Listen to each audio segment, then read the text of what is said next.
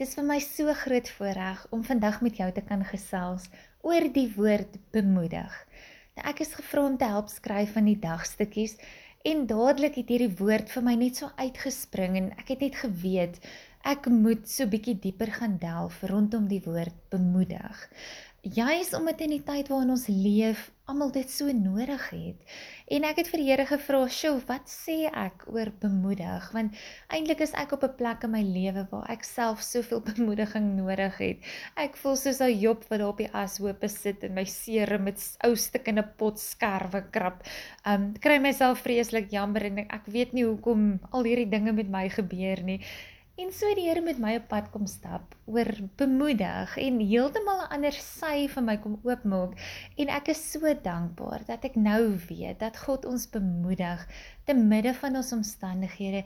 En die manier waarop hy dit doen was vreemd anders as wat ek gedink het dit sou wees. Ons ons altyd net sit en wag vir iemand om ons te bemoedig, ons te kom vashou, ons te kom vertroos en ons trane te kom afdroog. Maar ek het gesien dat die manier waarop God ons bemoedig is juis om ons aan te moedig om ander te gaan bemoedig. En juis daardeur om ons fokus af te hou van ons eie seer af en op ander se seer te gaan fokus is hy besig om ons eie einas binne in ons hart gesond te maak en dalk van so 'n bietjie lig te werp op hoekom gebeur hierdie dinge? En ek het besef dat al hierdie seer en swaar dinge wat skielik oor my pad gekom het is net 'n manier om God se hart vir my te kom wys oor hoe hy voel oor die stikkende seer wêreld daar buite. Dat sy hart net so seer is oor al die seer waardeur hulle gaan en ek kan nie dink hoe iemand deur hierdie geweldige seer moet gaan as hy nie God in sy lewe het, God se liefde en God se beskerming het nie, hoe gaan mens alleen hierdeur? En ek het werklik 'n passie ontwikkel vir die wêreld daar buite wat bemoediging nodig het en vir ons medeboeties en sissies in Christus wat dalk nie so sterk staan nie, wat dalk vir 'n oomblik net gewankel het en wat platgeslaan is deur omstandighede. Ons het nodig om daai mense se hande te gaan optel, om hulle styf vas te hou, om saam met hulle tree vir tree te stap.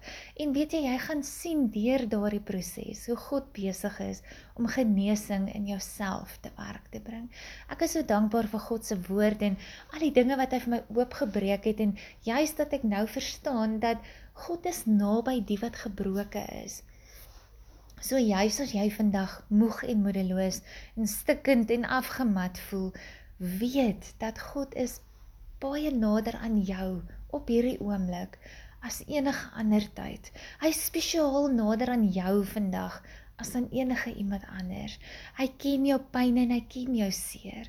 En ek het ook net weer besef dat weet jy, juis wanneer ons op ons laagste laag is, dan kan God in sy totale volheid tot stand kom in ons lewens. Want dan is dit nie ek nie. Dis nie deur my eie krag of my eie oulikheid nie, maar omdat ek juis nie krag het nie, kan God sy volle krag tot werking bring in ons lewens en deur dit wat ons doen ook en hy gee ons krag om ander te bemoedig te midde van ons eie seer omstandighede. En ek wil dalk net so vinnige gedagte by julle los. Um en dis in Markus 6. Gaan lees bietjie, almal ken die vermeerdering van die visse en die broodjies, maar weet julle reg voor dit gebeur het, het Jesus hierdie ontstellende nuus ontvang dat Johannes vermoor is by 'n verjaarsdagpartytjie van die koning en hoe 'n verskriklike lelike ding gebeur het en en hoe op 'n korrupte manier hierdie goed beplan is om uiteindelik Johannes se kop op 'n skinkbord vir die vir die, vir die koning te kon bring Dit is seer en dit is so onregverdig en ek kan nie dink dat dit die disippels en Jesus se hart in stukke geskeur het. Maar hulle het tog besluit om nie op hierdie seer te fokus nie.